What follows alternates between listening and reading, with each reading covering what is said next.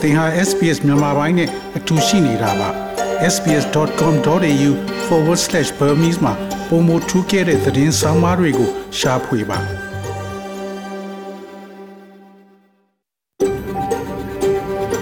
SBS A world of difference You're with SBS Burmese on mobile, online and on radio mobile online နဲ့ radio ပေါ်မှာသင်ဟာ SPS မြန်မာပိုင်းနဲ့အ တူရှိနေတာဖြစ်ပါတယ်သောရရှိမြချစ်တိမင်္ဂလာဖျားဖျားနဲ့ပြည့်စုံတော်မူကြပါစားခင်ဗျာယနေ့ဇူလိုင်လ2ရက်စနေနေ့မြန်မာပိုင်းစီစဉ်များကို SPS Radio မှစတင်အသံလွှင့်နေပါရခင်ဗျာယနေ့စီစဉ်များကိုကျွန်တော်ကျော်ထွန်းအောင်ခေါ် Terrell အောင်ကတင်ဆက်သွားမှာဖြစ်ပြီးယနေ့ပါဝင်မဲ့အစီအစဉ်များကတော့နိုင်ငံကိုကြိုးစိုးခြင်းဆိုတာဘာလဲဆိုတဲ့ဆောင်းပါး တချို့သောဗီဇအမျိုးအစားအပြောင်းအလဲများဇူလိုင်လ၁ရက်နေ့မှစတင်အသက်ဝင်မယ်ဆိုတဲ့ဆောင်းပါးနဲ့တန်ဝင်ခက်ကပေးပို့ထားတဲ့ကမ်းမမြင်လမ်းမမြင်မြန်မာစစ်ဘေးရှောင်များဆိုတဲ့သတင်းဆောင်းပါးတို့ဖြစ်ပြီးဒီနေ့ခေါင်းကြီးပိုင်းသတင်းတွေကတော့ New South Wales မှာမိုးသီးထန်စွာရွာသွန်းပကာမှာကျင်းပမဲ့လန်ချန်မဲကောင်စီဝေးကိုတရုတ်ကဥဆောင်မြင်တရုတ်ချင်းငွေကြောင့်လာအိုနိုင်ငံအကျွေးပြဿနာနဲ့ကြုံနေရ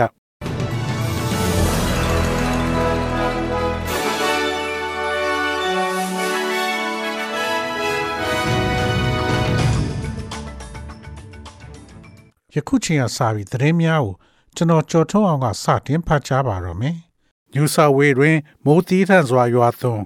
မိုးသီးထန်စွာရွာသွန်းမှုသည် New South Wales ပြည်နယ်တွင် ရေကြီးမှုနှင့်မြေပြိုမှုဖြစ်နိုင်ခြေကိုရာသီဥတုသတိပေးချက်များထုတ်ပြန်ထားပါသည်။ မြို့တော်ဆစ်ဒနီအယ်လဝါရာနှင့် Central Tableland တို့တွင်သတင်းပတ်ကုန်တွင်လှပ်တပြက်ရေကြီးနိုင်ခြေရှိသည့်မြို့တော်ဆစ်ဒနီတွင်မိုးသီးထန်စွာရွာသွန်းမယ်လို့ခန့်မှန်းထားပါသည်။စနေနဲ့တနင်္ဂနွေနေ့များတွင်တနအီနှင့်6နာရီကြာမိုးရေချိန်စုစုပေါင်း80မှ150မီလီမီတာကြားရှိနိုင်ကြောင်းမိုးလေဝသဌာနကသတိပေးထားပြီးတချို့နေရာများတွင်သတင်းပတ်ကုန်တွင်တလတာမိုးရွာသွန်းနိုင်တဲ့ မိုးရေများရွာသွန်းမယ်လို့ခန့်မှန်းထားပါတယ်။အဆိုပါစနစ်သည်တနင်္ဂနွေသို့မဟုတ်တနင်္လာနေ့တွင်အနိုင်ဆုံးအဖြစ်သို့ပြောင်းလဲသွားနိုင်ပြီးနောက်အပတ်ထိဆက်လက်ရွာသွန်းနေမယ်လို့ BOM မှပြောကြားပါတယ်။သတင်းပတ်ကုန်းတွင် ရေကြီးရေရှမ်းမှုများသည့်မြစ်ရေများရေများပြည့်နှင့်နေသောကြောင့်မြစ်ရေမြင့်တက်မှုစီသို့ဥတီသွားနိုင်တယ်လို့ကြေညာချက်မှာပါရှိပါတယ်။ ဘကာမှာကျင်းပမဲ့လန်ချန်မဲခေါင်စီဝေတရုတ်နိုင်ငံသားရဲ့ဝင်ကြီးဦးဆောင်မြည်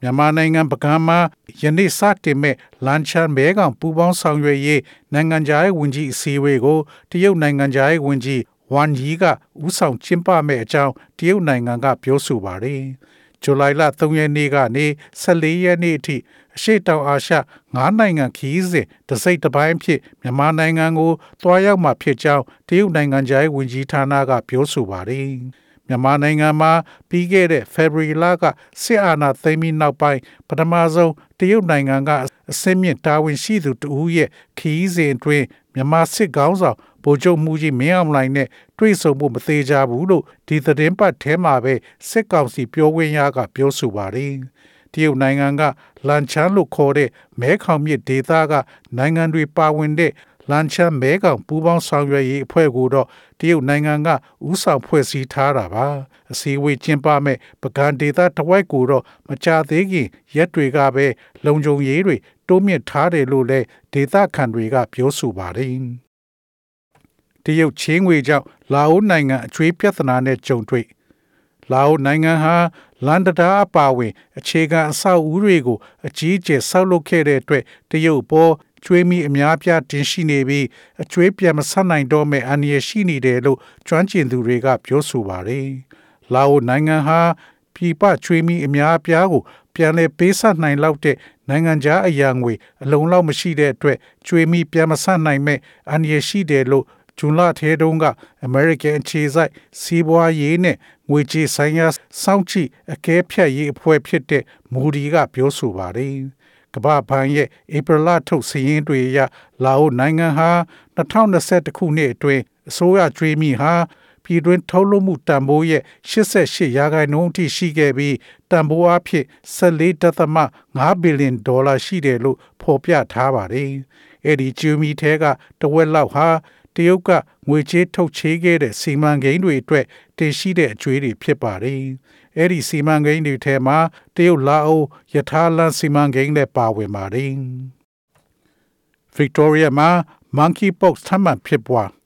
Victoria ရှိပြင်စမမြောက်မျိုးသားတူသည်မြောက်ကျောက်ရောဂါ monkeypox ရှိကြောင်းစစ်ဆေးတွေ့ရှိရပါတယ်။အသက်40အရွယ်ရှိအမျိုးသားသည် interstate ခရီးသွားလာပြီးနောက် သီးခြားနေထိုင်နေပြီးကျန်းမာရေးဌာနက၎င်းနှင့်နီးကပ်ဆက်သွယ်သူများကိုလည်းအကြောင်းကြားထားပါတယ်။ monkeypox ဖြစ်သူများကိုယခုအခါ Victoria တွင်ဥပဒေအရကျန်းမာရေးဌာနသို့အကြောင်းကြားမှာဖြစ်ပြီးဆရာဝန်များဆေးရုံများနှင့်ဓာတ်ခွဲခန်းများသည်လည်းတန်တရားရှိလူနာများကိုကျန်းမာရေးအာဏာပိုင်များထံအစီရင်ခံတင်ပြရမှာဖြစ်ပါတယ်။ရုရှားတပ်တွေယူကရိန်းမွေကျွန်းပေါ်ကဆုတ်ခွာ လေးလကြာရုရှားကျူးကျော်မှုကိုခုခံရမှာယူကရိန်းနိုင်ငံအတွက်သင်္ကေတတစ်ခုဖြစ်တဲ့မွေကျွန်းကနေရုရှားတပ်တွေပြန်ဆုတ်ပေးလိုက်ကြောင်းရုရှားကာကွယ်ရေးဝန်ကြီးဌာနကကြာသပတေးနေ့မှာပြောဆိုပါတယ်။ယူကရိန်းစိတ်ကမ်းမျိုးဖြစ်တဲ့ Odessa အနီးပင်လယ်နက်ထဲကမွေကျွန်းကိုတော့ ကျူးကျော်စစ်အစပိုင်းမှာပဲရုရှားတပ်တွေသိမ်းယူခဲ့ပြီးယူကရိန်းကိုတိုက်ခိုက်မှုတွေယူကရိန်းစစ်ကမ်းတွေကသွာလာလှုပ်ရှားမှုတွေကိုစောင့်ကြည့်တာတွေလုပ်ခဲ့ပါတယ်။ရုရှားတပ်တွေဆုတ်ခွာသွားကြောင်းယူကရိန်းဘက်ကလည်းအတည်ပြုခဲ့ပေမဲ့ညဘက်မှာယူကရိန်းတပ်တွေကမစ်ဆိုင်းဒုံးတွေလက်နက်ကြီးတွေနဲ့ပစ်ခတ်ခဲ့တာကြောင့်ရုရှားတပ်ဖွဲ့ဟာအမြန်ဆက်လေနှစင်းနဲ့ထွက်ပြေးခဲ့တာလို့ပြောဆိုပါတယ်။ ရုရှားကာဝေးရေးဝန်ကြီးဌာနကတော့စစ်စင်ရေးတာဝန်ပြီးဆုံးသွားတဲ့အတွက်စိတ်စေတနာကောင်းနဲ့ကျွန်းပေါ်ကစုတ်ခွပေးတာလို့သတင်းထုတ်ပြန်ပါတယ်။မင်းတပ်မြို့နယ်ပလုံထွေကျေးရွာတွင်စစ်ကောင်စီတပ်ကတောက်ရီကနဲ့လူနေအိမ်များမီးရှို့ဖျက်ဆီးချင်းပြည်နယ်မင်းတပ်မြို့နယ်ပလုံထွေကျေးရွာအတွင်း ဝင်ရောက်တပ်ဆွဲထားတဲ့စစ်ကောင်စီတပ်များဟာဇွန်လ29ရက်နေ့ကရွာထဲရှိတောက်သုံးရီကပြည်သူပိုင်ဖြစ်စည်းများစိုက်ကယ်နဲ့အိုးခွဲ့ပကံများကိုမီးရှို့ဖျက်ဆီးပြီးထွက်ခွာသွားကြောင်းသိရှိရပါတယ်။စစ်တပ်ကရွာထဲမှာတပ်ဆွဲပြီးညဘက်အိတ်ကြတာလူနေအိမ်တွေထဲဝင်ပြီးအိတ်ကြတယ်။ဆောင်းတွေခေါင်းတွေအိတ်ပြီးတော့ဖျက်ဆီးခဲ့တယ်လို့ဆိုပါတယ်။ရွာထဲကစိုက်ကယ်9စင်းလောက်လည်းမီးရှို့ခဲ့ကြတယ်လို့သိရပါတယ်။ သူတို့မီးဘိုထဲမှာလဲစားတောက်ပြီးတော့ဒီတိုင်းအားလုံးဖျက်ဆီးထားခဲ့ကြတာလို့ရွာသားတချို့ကပြောဆိုပါတယ်အဆိုပါပလုံတီရွာတွင်ထီလင်းဘက်မှစစ်ကြောင်းထိုးလာတဲ့စစ်ကောင်စီတပ်များနှင့်ပလုံတီတွင်ရှိသည့်မင်းတပ် CDF ကင်းစခန်းမှရဲဘော်များနှင့်ထိတွေ့တိုက်ပွဲတွေဖြစ်ပွားကြောင်းရင်းတိုက်ပွဲကြောင့်စစ်ကောင်စီတပ်ဘက်က၄ဦးသေဆုံးပြီး CDF မင်းတပ်အဖွဲ့မှလက်နက်ကြီးထိမှန်သည့်ဒဏ်ရာကြောင့် တဦးကြဆုံးပြီးဖမ်းဆီးနှိပ်စက်တပ်ဖြတ်ခံရတဲ့လူနှစ်ဦးစုစုပေါင်း၃ဦးကြဆုံးခဲ့ကြောင်းသိရှိရပါတယ်။ Australia မှာကိုဗစ်ကြောင့်သေဆုံးမှုများ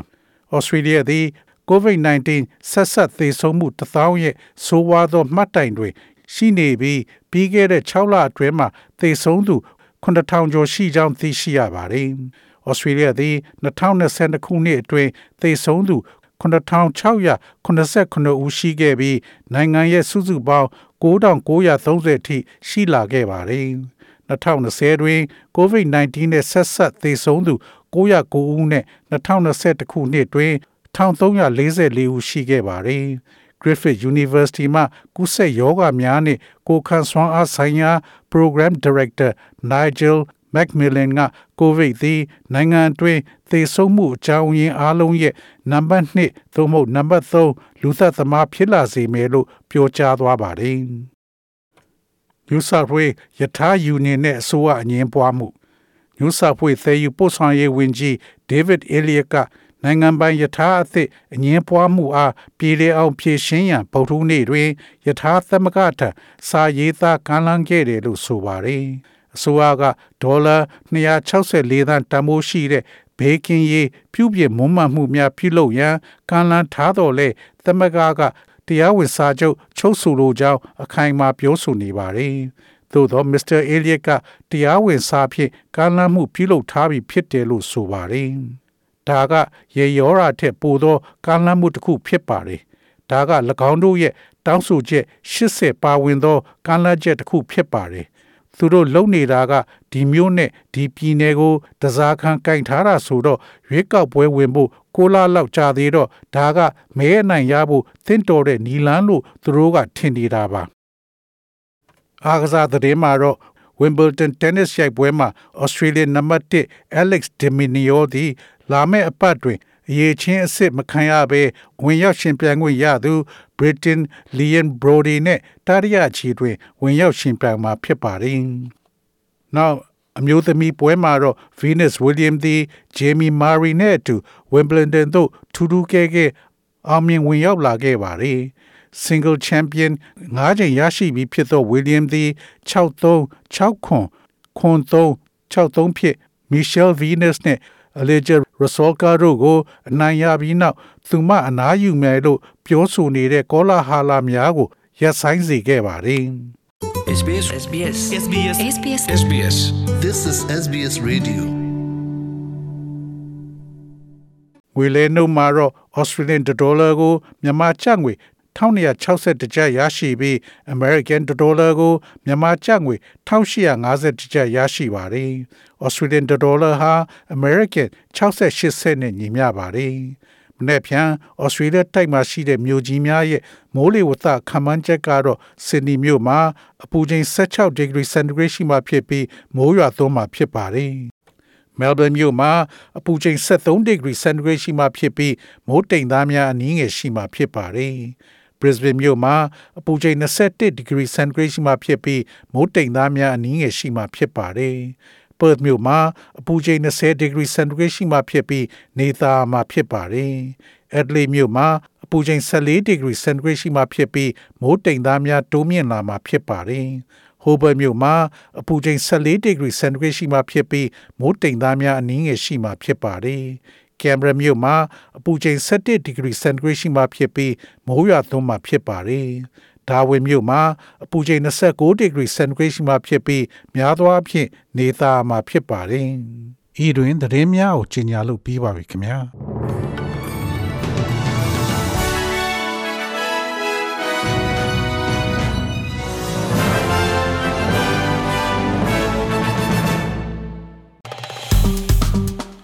SPS မြန်မာပိုင်းကို Facebook ပေါ်မှာ like ရှာပြီး like မျှဝေမှတ်ချက်ပေးပါ